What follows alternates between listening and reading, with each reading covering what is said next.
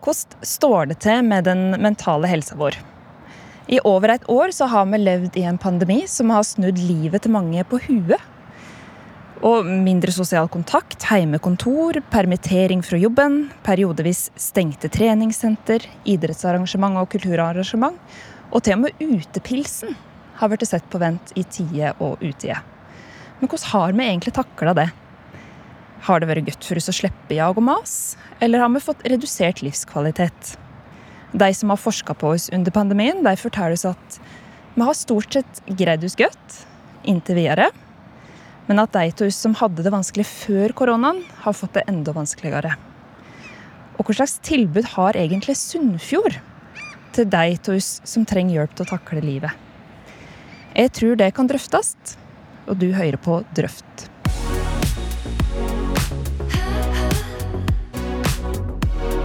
I dag sitter jeg i Førde sentrum i en park ved gangbrua. Og rett bak meg her så ble det i fjor planta et tre på verdensdagen for psykisk helse. Og på steinen ved sida av det treet så står det 'Lyset du trenger, finst'. Men hvor fins det lyset? Det skal jeg prate med fire kyndige folk om i dag. Før sammen med meg så sitter sentralstyremedlem i Mental Helse Ungdom, Vebjørn Leite Olsen. Frisklivskoordinator Camilla Søvik. Einingsleder for psykisk helse og rus i Sunnfjord kommune, Finn Ove Arnes. Og samfunnsmedisiner Hans Johan Breida Blikk. Men først så skal vi høre hva ungene i Sunnfjord har å si om psykisk helse. Hva er psykisk helse? Psykisk helse Noe med at man blir syk og sånn. Da tenker jeg litt mer på kroppen og hvordan vi skal behandle den. Ja. Jeg tenker på medisiner som hjelper folk med å føle seg enda bedre. Psykisk helse er som vi føler oss inni. Sånne følelser, hvordan vi har det inni oss. Vet du hva fysisk helse er for noe? Nei. Eh, psykisk helse når jeg hører det, det er f.eks. hvis jeg snubler og skadet meg. Eh, ting vi føler ute på kroppen, eller ting vi ser ute på kroppen. Da føler jeg liksom måten man springer, eller hvor fort man blir sliten. Men når er det viktig for dere å få trøst? Når vi slår oss eller får vondt, så Og når vi begynner å blø. hvis noen mobber oss, eller hvis vi har vondt. Eller føler at ingen er glad i seg sjøl. Men når det bare er lei dere, da? Er det viktig å få trøst da? Ja. Men er det viktigst å få trøst når du har slått foten, eller når det er lei dere? Jeg tror begge deler. Fordi det er på en måte litt det samme. Hvem er det som trøster dere når det er lei dere? Voksne. Voksne og eldre barn. Når jeg er hjemme, så er det oftest voksne, da. Men på skolen så vil jeg helst ha noen voksne for å trøste. Men vennene mine gjør jo det også. Men er det flaut å være lei seg? Nei. Nei. Mm, Noen ganger.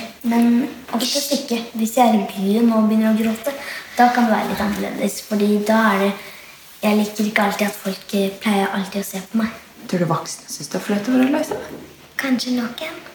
Men hva er det voksne sier hvis de har lyst på trøst? Jeg vet ikke. Hva er det voksne må gjøre mot andre voksne for at jeg skal ha det bra? Spør hvordan de har det.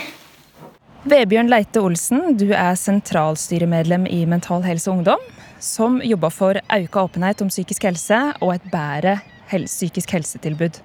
Hvorfor er du så engasjert i psykisk helse? Nei, altså, jeg eh, Jeg flytta på hybel når jeg var 16 år. Og så det at det 30% bor på hybel i gamle Sogn og Fjordane. Eh, og jeg så hvor viktig det var å ha en miljøkoordinator som var å passe på ungdommene. Jeg har seinere, fra jeg var 19 til 20, så sleit jeg en god del med selvmordstanker. Eh, Jeg følte ikke meg god nok. Så seinere, etter at jeg var engasjert i politikken, var jeg og besøkte ulike eh, eksempel tiltakstjenesten i Florø. Så fant jeg ut det at Mental Helse Ungdom har aldri vært i gamle Sogn og Fjordane. Og etterpå det så fant eh, meg og noen eh, venner ut at det er bare å starte Mental Helse Ungdom. Så det gjorde vi. Så i løpet av et år så eh, fikk vi eh, lov til å eh, markere oss ut i media, Bergens Tidende, NRK osv. osv. Reiste rundt og holdt foredrag for elever rundt på videregående skoler osv. Så, videre. så mitt engasjement handler egentlig om ja, det å Det der med ensomhet og det å flytte på hybel, da, spesielt eh, ensomhet på hybelboere, de er en ekstra risiko. Og så er jo det meg sjøl òg, da, som ah, ikke hele livet har følt meg god nok, da. Mm. For, hvordan følge og tror du pandemien har hatt for den psykiske helsa til unge i Sunnfjord? Altså, for å si det sånn, eh, blant eh, Sunnfjord har òg både studenter og unge. Eh, og i sum så ser man, sånn grovt sett, så ser man at det har gått bra. Men samtidig så ser vi det at det er flere ungdommer som sliter med ensomhet. De har dårligere livskvalitet. De som var vant med å ha et sosialt liv, plutselig ikke kan gjøre det samme som de gjorde før. Det har gått utover den psykiske helsa og livskvaliteten til folk. Camilla Søvik, du er frisklivskoordinator i Sunnfjord kommune. Og sammen med frivillige så hjelper du nå om lag 160 personer her å komme i aktivitet. Men hvem er det egentlig du hjelper, og hvordan funka det på uh, frisklivssentrene, helt på å si? Ja. um, målgruppa er jo eh, på mange måter eh, alle og oss en eller annen gang i løpet av livet, da. Gjerne. Men eh, hvis en da har litt utfordringer som livsstilsutfordringer, eller, eller har, eh, er arbeidsledig eller sykmeldt i en periode, ufør Ja. Så det er jo de som har litt, litt mer eh, utfordringer til å komme i aktivitet da, enn eh, de helt friske. Ja. Nettopp, og, og da tar du deg inn til samtale og tilbyr deg koda? Ja, ja ehm, de kan, vi, altså, vi trenger ikke ei formell henvisning, men vi ønsker jo veldig at behandlere snakker om oss, sånn at folk vet at vi finnes. For det ser vi ofte, at de kanskje kommer litt seinere enn de burde ha gjort, og de har ikke fått den informasjonen de da, om oss som de burde ha fått tidligere. Da. Så de har kanskje vært en litt lengre vei å, å få det i gang da, enn det hadde trengt å være hvis vi hadde hvis de hadde snakka om oss. da. Så da kommer de jo inn, eh, inn til meg og får en, da, en helsesamtale. Vi går igjennom, vi skal ikke gjennom hele livet, da, men i hvert fall i hovedtrekk hva som gjør at de ikke har kommet i gang på egen hånd. Og eh, så legger vi i lag da en plan eh, for å komme i gang med aktivitet. Og da er ikke det bare fysisk aktivitet, det er selvfølgelig òg sosiale møteplasser. Det er jo det som er det fine samarbeidet som vi har med Frivilligsentralen, da. Der vi kan tenke hele mennesket, eh, fysisk og psykisk. Så da i lag blir vi enige om en plan for oppstart, og de får en frisklivsresept på ett år. Så på det året så prøver vi da å Det skal mye til å endre livsstil, sant? og det tar gjerne lengre tid enn et år òg, men i hvert fall så skal vi bidrar vi litt tettere på det året, og håper at vi har en god suksess da, ute i enden av det året. da. Og at de da er i gang på egen hånd. Men hvor stor har etterspørselen vært å dikke under pandemien? Har du merka noe til det? Eh, ja, altså det har vært Før pandemi så var det en slags jevn strøm av folk som gikk, kom inn, og som selvfølgelig ble avslutta hos oss. Eh, når pandemien slo til, så ble det helt stilt. Det, ble, eh, det var ikke Det var mange måneder helt stilt, ingen henvisninger. Det var helt forventa, egentlig, for, fordi vi måtte jo stenge ned aktivitetene våre òg, så vi har for så vidt ikke så veldig mye å bidra med heller. Um, men så, siden det er ei sårbar gruppe, og vi måtte snu oss litt og tenke hvor lenge skal dette her vare, og vi kan ikke risikere at eh, de som vi nå har fått i gang, skal eh, må begynne helt på nytt igjen, og at det går for lang tid. Eh, Så gjorde vi endringer i små grupper. Var, I begynnelsen så var vi ute, og det så kanskje litt rart ut. Vi gikk fem stykker med god avstand på tur. så gikk det fem stykker en annen plass på tur. Og, men vi måtte jo finne på noe, og de som vi hadde fått i gang, trengte det veldig. De etterlyste det. Og hva gjør jeg nå? Ja. Men har du fått flere som har spurt om å bli med dere nå?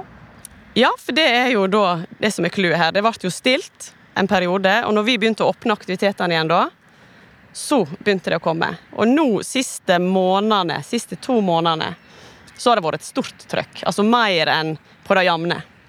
Ja.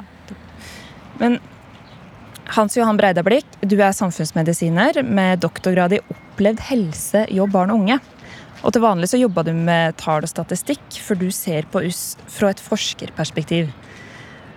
Og det å isolere folk, det er jo en torturmetode. Hva tenker du? Tenker du at smitteverntiltakene under pandemien har gitt oss en dårligere psykisk helse?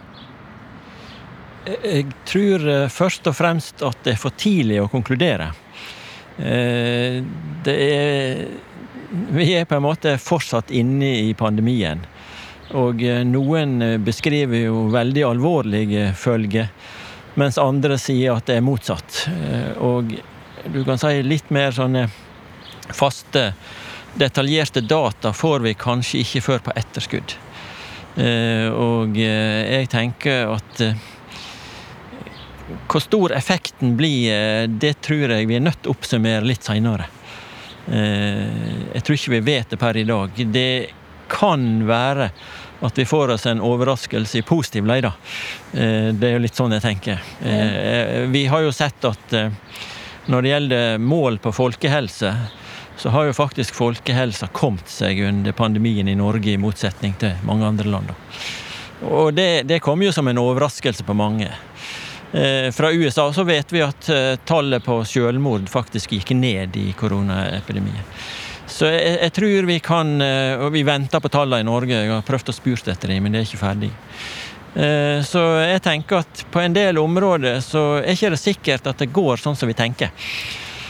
Dette har jo kanskje med historie å gjøre òg. Altså, I kriseperioder så er ikke det, det er ikke alltid at det fører til forverra folkehelse. Eh, fordi at, eh, kan jeg si, og særlig kanskje mental helse, handler mye om personen og eh, interne ting. Mens eksterne ting på en måte kanskje ikke slår så sterkt inn, da. Men som sagt, jeg tror vi skal gjøre det opp når vi er liksom kommet gjennom denne her, og det kan jo ta en stund. Så det kan være litt sånn det som ikke dreper deg, gjør det sterkere? Eller det gir deg et arv for resten av livet? Psykolog Peder Kjøs han overleverte jo nylig en rapport til Erna Solberg som forteller hvordan det står til med den mentale helsa vår under pandemien. Og Der kommer det fram at ja, det har ikke vært noe entydig forverring av folkehelsa, som eh, kanskje var litt inne på, men at de som hadde det vanskelig, har fått det verre. Og I februar så skrev Firda at henvisningene til barne- og ungdomspsykiatrien i Helse Førde den hadde økt med 21% sammenlignet med året før. Psykologspesialist Torir Taklo sier at de har sett en særlig økning i anoreksi blant unge.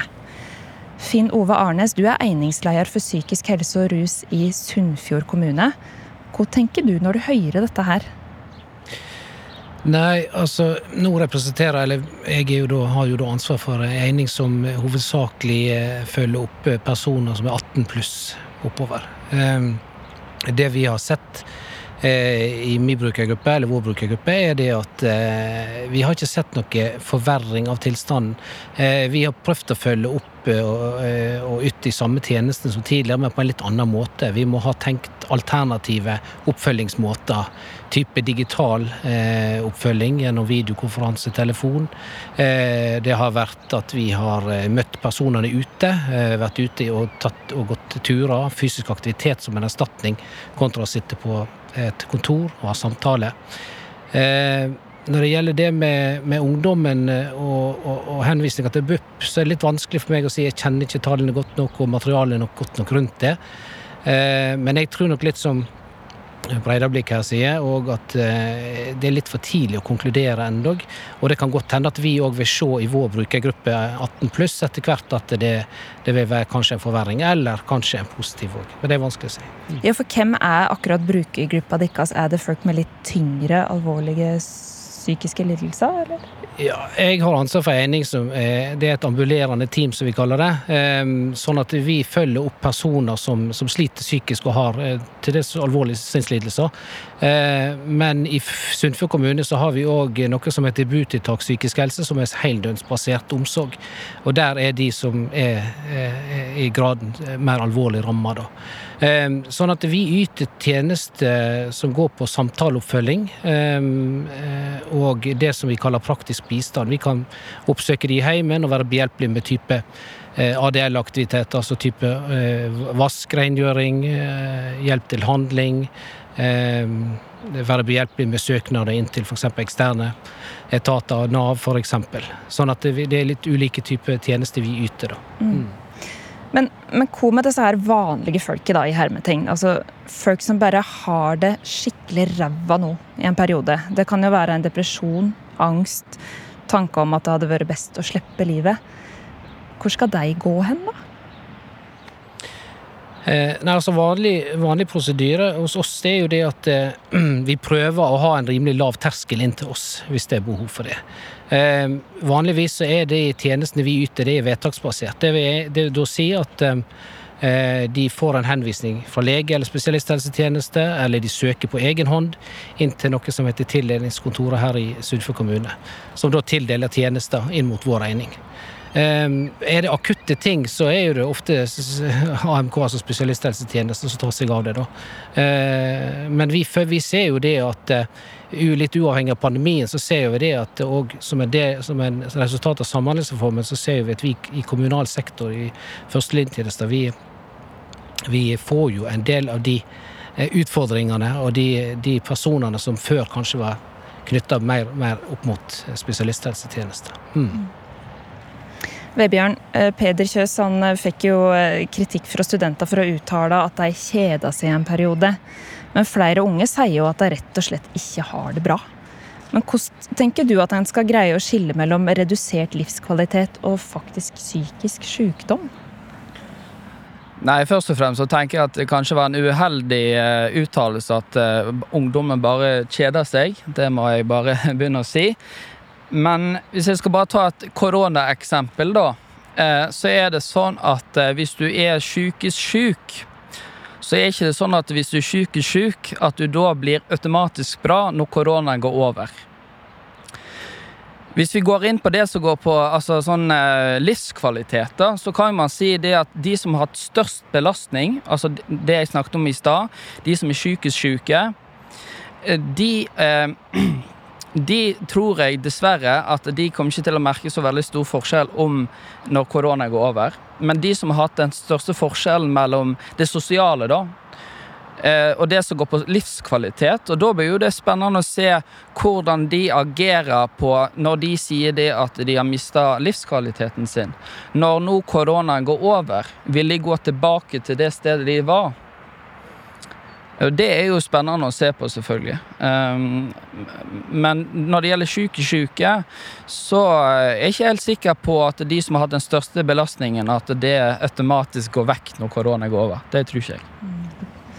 Hans Johan, er det vanskeligere å være ung i dag enn da du vokste opp? Ja, det er jo av de virkelig store spørsmåla, og det stiller vi oss oppe.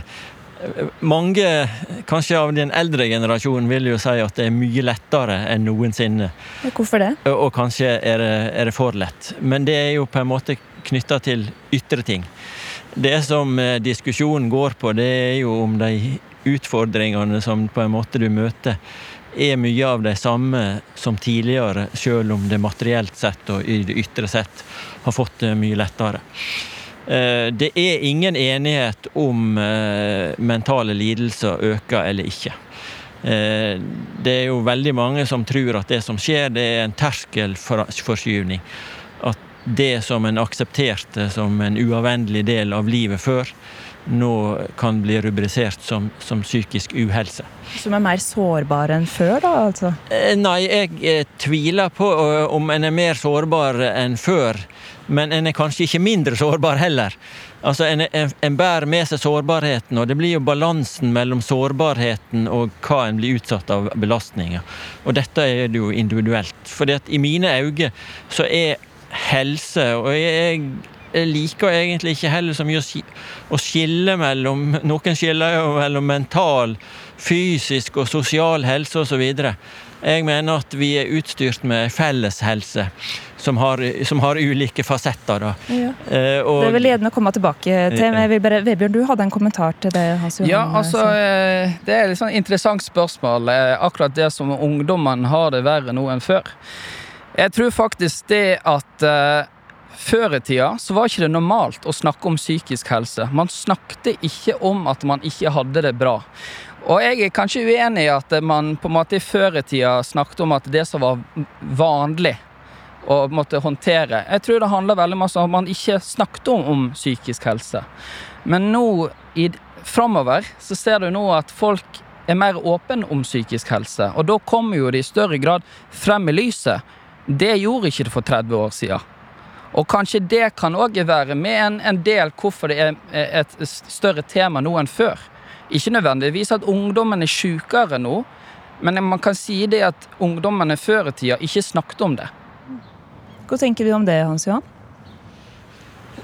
Ja, altså Noe av det der er jo en del av debatten, men, men og Jeg tror det er viktig å skille her at mental helse, hvis vi skal bruke det begrepet. Da. Det går helt fra å være ganske normal og få en del livs... og til å i det andre spekteret å være grovt funksjonshemma og aldri være i stand til å, å leve normalt. Og, og, på en måte så representerer jeg kanskje da som samfunnsmedisin hele det spekteret. Eh, og så kan du si det at eh, i mine øyne så er det voldsomt viktig at ikke vi mister perspektivet på de alvorlig psykisk syke. Eh, I, I, det å si at eh, vi skal tilføre veldig mye til de som har lette psykiske symptom. Eh, og det som skjer, er jo at vi har en, en terskelendring f.eks. innenfor diagnosesystemet, som gjør at fra en dag til neste så har kanskje andelen med det som kalles bipolar lidelse, dobla seg. Eh, dette her er en utvikling som også sentrale fagfolk i psykiatrien advarer mot, eh, og sågar skriver bøker og sier at nå må vi huske på å bevare det normale. Altså, Vi må ikke ende opp slik at alle mennesker eh, har, har psykisk uhelse. For da er vi ikke kommet noe lenger. Ja, for Hvordan tenker du at vi kan skille mellom psykisk uhelse da, og, og bare en dårlig dag? Redusert livskvalitet? Nei, altså jeg tror eh, en av de tingene som kan skje, det er jo at, at hvis du Fordi at alle mennesker vil ha psykiske belastninger. Og er, dessverre så er ikke de rettferdig fordelt heller. Noen får mye mer enn andre. Eh, men igjen, det er like viktig for meg som samfunnsmedisiner å si at vi har to oppgaver. Hjelpe de syke, og kanskje mest de mest alvorlige syke. Og så å holde de andre friske. Altså Det holder de friske. Og da er ikke det sikkert at det å sette merkelapper på seg sjøl at jeg, jeg, er på en måte dårlig fungerende mentalt, det er ikke sikkert at det er bra. For Vi skal litt inn på det å holde seg frisk, forebyggende arbeid. I rapporten som Peder Kjøs la fram, eh, Peder Kjøs og gjengen, altså han hadde jo med seg et ekspertutvalg her, eh, la fram, så sa han at kommunen den bør forpliktes til å bygge ut lågterskeltilbuda. Og det er jo f.eks. Frisklivssentralen og en hjelpetelefon eh, til mental helse. Og det er fordi de sier lågterskeltilbuda er viktige, og de funker. Og så Samtidig så har den en dobbel effekt ved at de som er frivillige, de føles nyttige. Og de som får hjelp, de får det bedre. Og Camilla, du er jo aleine om oppgava i Frisklivssentralen, du. Får du gjort alle? Nei, det gjør jeg nok ikke. altså. Ikke godt nok. Hvor mange frivillige har du egentlig med på laget, da? Nei, altså Nå er jo eh, på sett og vis friskliv én ting, og de frivillige noe annet, men vi samarbeider om en del ting. Fordi at eh, det kommer en del frivillige som har lyst Altså, vi kan jo ikke bestille frivillighet, men de tar kontakt og har lyst til å gjøre noe. Og har de lyst til å gå på tur, ja, så passer det veldig godt for vår gruppe i Friskliv at da kan vi ha en frivillig som tar en tur for frisklivsgruppa. Så sånn har vi eh, fått dette til, da. Eh, og takket være at vi har det samarbeidet, da, friskliv og frivillighet, så kan vi i hvert fall gi et veldig bra aktivitetstilbud nå i hele Sunnfjord kommune. Eh, men om vi hjelper alle, det, det, er jeg helt sikker på at vi ikke gjør. Eh, for det blir jo mye for det å holde styr på. Ja. Men så kan jeg jo tenke Kunne ikke du fått en kollega, da? Hvor godt samarbeider du med offentlige tjenester? Ja, ja, jo. Eh, jeg syns vi samarbeider godt innad i kommunen. Eh, vi, det gjør vi absolutt. Eh, vi samarbeider om ulike arrangement og ja, finne på ting i lag. Og takk og lov for at ikke vi sitter på hver sin tue og jobber med de samme tinga og de samme folka. Så der syns jeg vi er blitt veldig gode. Men det er ikke tvil om at jeg skulle ha Eh, altså Jeg skulle hatt en kollega eller to som jobber med bare friskliv. Det, det er helt sant. Ja, for Erna Solberg har jo sagt sjøl at eh, de har eh, lagt ut for pengene, og så skal kommunene da bestemme hva de vil bruke disse pengene på. Finn Ove, er det uproft å overlate ansvaret for den psykiske helsa til frivillige i Sunnfjord? Nei, uproff, det var kanskje Jeg vet ikke Nei, det, det tenker jeg ikke nødvendigvis. At vi overlater jo ikke det nødvendigvis den psykiske helsa til de frivillige heller. De, men at de frivillige er en sentral og viktig aktør i det arbeidet, det er ikke tvil om i det hele tatt. Men jeg tenker det at den, den, den, den profesjonelle oppfølginga altså, skal jo ligge til, vår, til våre egninger og til, til oss som kommune. Og så er vi som sagt avhengig av de frivillige Ja, for å få til. hvordan er det du samarbeider med Søvik og Frisklivssentralen? Nei, det, vi er på en måte et eh, Altså, eh, vi er jo Det kan jo Camilla si noe om, men at vi er, kan jo fort bli et bindeledd da, i- opp til friskliv, der at vi har personer i vår egning eh, så vi kanskje kan vurdere at det kunne vært formålstjenlig å knytte opp til friskliv. Og da er det for oss å ta en telefon og en henvendelse til Camilla, og i, i, selvfølgelig i, sam, i samråd med, med vedkommende bruker, og så knytte det opp den veien der, da. Ja, Så kan vi jo samarbeide med ulike arrangement. Hvis Ja. vi finner ut at vi vil lage et arrangement som skal være litt stort og litt bredt, så kan vi, fordi vi har kanskje ulike brukergrupper, så eh, kan vi samarbeide. Vi får, ja. Ja, for hvordan bør Sunnfjord kommune disponere pengene til helse? For, altså de pengene de har fått fra staten. Nei, altså det er jo klart at det, det ligger jo altså Hvis vi tenker prosjektmidler, da, som vi kan søke om, så er jo det eh, Så, jo det, så, så blir jo det lagt en del kriterier, føringer, for hvordan de midlene skal brukes. Eh, ofte så er det prosjektmidler som har en klart, eh, klar og tydelig føring på at eh, etter hvert som, eh, så kan eh, staten, fylkeskommunen, gå inn og, og fullfinansiere f.eks. ei stilling i et prosjekt. Eh, Etter hvert så blir det da et krav til at etter hvert må kommunen da på en måte begynne å delfinansiere og til slutt fullfinansiere det sjøl. Det er klart å fordre det det at i økonomiplanen vår i kommunen så er det politisk vedtatt at, eh, at der ligger det ei stilling framme som skal, eh, som skal lønnes. Og det er Sånn- det verken du eller Camilla egentlig som bestemmer, da. Det er politikerne i, i Sunnfjord. Ja, det er politikerne i Sunnfjord som bestemmer det til sjuende og sist. Mm. Vebjørn, tror du at de unge som har det vanskelig, kunne tenke seg å melde seg på en aktivitet i Frisklivssentralen? Ja, absolutt. Eh, altså for å si det sånn, Hvis man greier å nå ut til ungdommen og nå ut på de plattformene der man kan eh, reklamere for det man driver på med, absolutt. Jeg tror det er like viktig å, å, å på en måte Og møte der ungdommen er, da. Ut i Der man spiller fotball, spiller, eh, spiller hånd, håndball, spiller musikk osv. Så, videre, og så, videre. så jeg tenker det at eh, det er fantastisk viktig at man har ulike tilbud i en kommune. Uansett om det er Frisklivssentralen eller om det er fotball, fotball, fotball, eh, altså fotballbaner. Jeg tenker det at det er litt sånn eh, samspill der mellom at, eh, at eh, Jeg tenker det at hovedsakelig, ja. Eh, at eh, så lenge man greier å nå ut til de ungdommene der de er, så sier jeg ja. Hvis ikke, nei. Ja, for da vil jeg spørre beint ut, er det ikke litt stigma knytta til det, da? Jeg vet ikke hva du tenker om det, Camilla. Hvor, har det mange unge, Jodika? Eh, nei, ikke mange. Eh, under 18 eh, relativt få. Eh, kan sikkert telle på to hender. Ja. Hvor tror du det kommer til? Nei, si det. Jeg har ikke det er vel, Vi når nok ikke, kanskje ikke ut til dem. Det gjør vi nok kanskje ikke. Vi er vel kanskje ikke på de arenaene som de er. Men vi har Det må sies at vi Fordi vi kanskje ikke har henvisningene fordi at når de er nå under 18, så har de kanskje andre apparat rundt seg eh, før de kanskje trenger å komme til oss. Og kanskje de blir videreført til oss når de blir 18, da. Eh, men så prøver vi likevel å nå ut. Vi har, vi har jo hatt et veldig vellykka arrangement som heter Grillen chill som har vært for ungdom opp til 19. Der det ble et stort samarbeid. Det er jo ikke bare vi, men eh, ja. Så fikk jeg et stort samarbeid for ungdom da, som skulle være egentlig retta til hybelboere. var det vi først tenkte med den ideen. da, Og, og vise litt hva som finnes i Førde for de som kom til Førde. da. Ja. Vebjørn? Jeg er helt enig. Og så tenker jeg det at um, spesielt på mindre steder så kan man eh, Nå sa jeg at man skal treffe der ungdom er, men samtidig så er det sånn på mindre steder spesielt.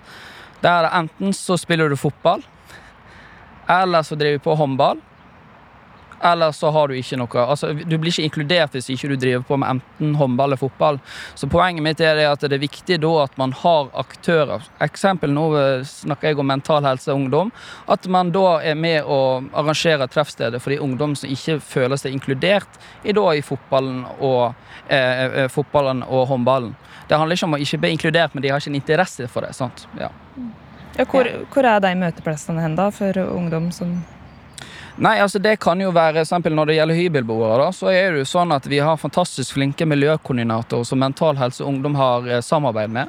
Der, eh, Når det ikke er korona, selvfølgelig, da. Men eh, når, det, når det ikke var korona, så har vi prøvd å Mental Helse Ungdom reise ut på en skole, holde foredrag. Og så har man pizza etterpå for hybelboere osv. Der man har treffsted. da. Og det er ikke flaut å komme på.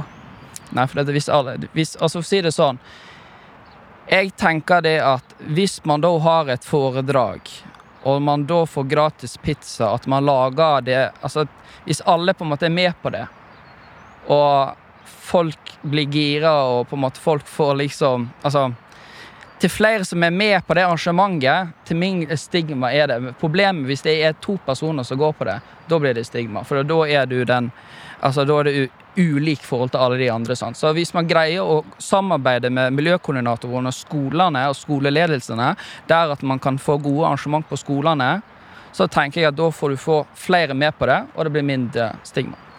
Du hadde en kommentar, Ja. Camilla? Ja, for det, jeg er jo helt enig, og det er jo da vi tenkte når vi, når vi fikk den koronaen òg. Vanligvis hadde jo vi et, et stort arrangement på høsten som var grillen til der alle skulle komme da, eh, i den aldersgruppa.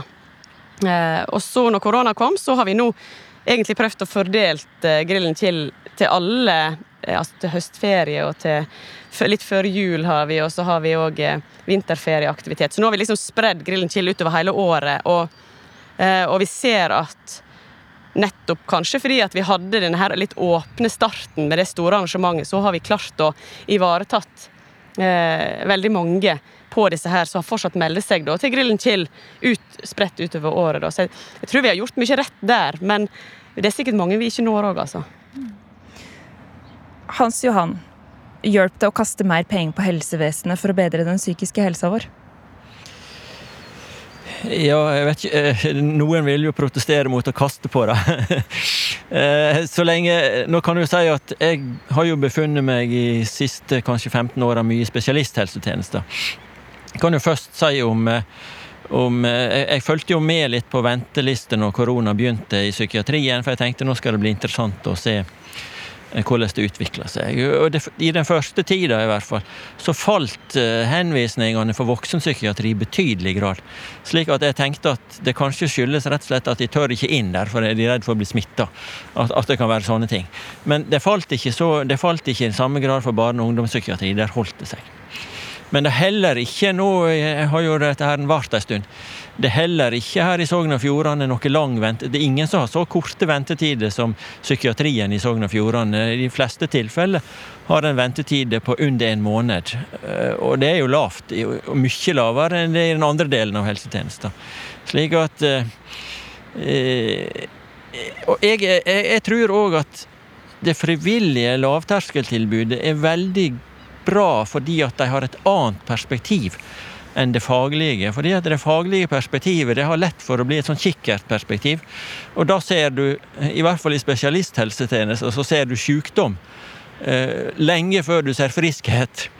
Nå er jo det litt annerledes i disse lavterskeltilbudene, men jeg tror at det å jobbe med frivillig arbeid med andre mennesker, det har en dobbel effekt. Både for den som driver med arbeidet, og for den som får tjenestene fra dem. Så jeg, jeg tror at eh, hvis, hvis det er noe vi skal gjøre, så er det òg å heie fram frivilligheten. For det har et annet motiv, og det har et annet perspektiv. Og er av veldig stor grad av nytte for den som er med i det frivillige arbeidet. Hva skal egentlig til for at vi har det bra framover, hvis en ser i det store bildet, sånn som du pleier? Nei, du kan si at eh, når det gjelder velbefinnende, så er, så er Norge et land med veldig høy grad av velbefinnende i befolkningen. Kanskje et av de høyeste i verden. Slik, og, og dette her er jo sånn når du spør ungdom, og da spør du kanskje litt mer sånn om de er lykkelige, om de trives osv. Eh, og eh, det, er- det er veldig høy andel som det, og det, det er høy andel som trives på skolen. Den gruppa som jeg er bekymra for, det er de ca. 10-12 prosentene som, som, lever i det som jeg vil kalle utenforskap. De er ikke i utdanning, de er ikke i arbeide. Noen av dem er trygd, men, men, mange av dem er ikke noe. De, de sitter egentlig hjemme på gutterommet sant, etter at de er blitt voksne. Det er den mest alvorlige gruppa, sånn som jeg ser det. Mm. Vebjørn, vil du si deg enig i det? Helt enig. Ja. ja. Da eh, tror jeg vi skal runde av for denne gang. Eh, veldig kort. Hvor Vebjørn, er det viktigste tiltaket for god psykisk helse? Eh, gjennom frivilligheten. At man gir penger til frivilligheten. Ja. Camilla? Viktigste Forebyggende. Førebyggende, ja. Tenke, tenke lavterskeltilbud, forebyggende arbeid. Mm. Hans Johan? Ja, det er hvis vi greier å styrke på en måte evna til å tåle motgang. Og, og, hvis vi sørger for å ha et samfunn som får med oss alle. Ikke lar ei gruppe på en måte bli skyvd ut til sida. Det, det, det, ser jeg på som det mest alvorlige. Fine Ove? Ja, absolutt. Jeg tenker det med Eh, frivillighet eh, og, aktivitet. Altså, og det med et fellesskap og på en måte føle seg knytta til noe, føle tilhørighet, er kjempeviktig. Altså.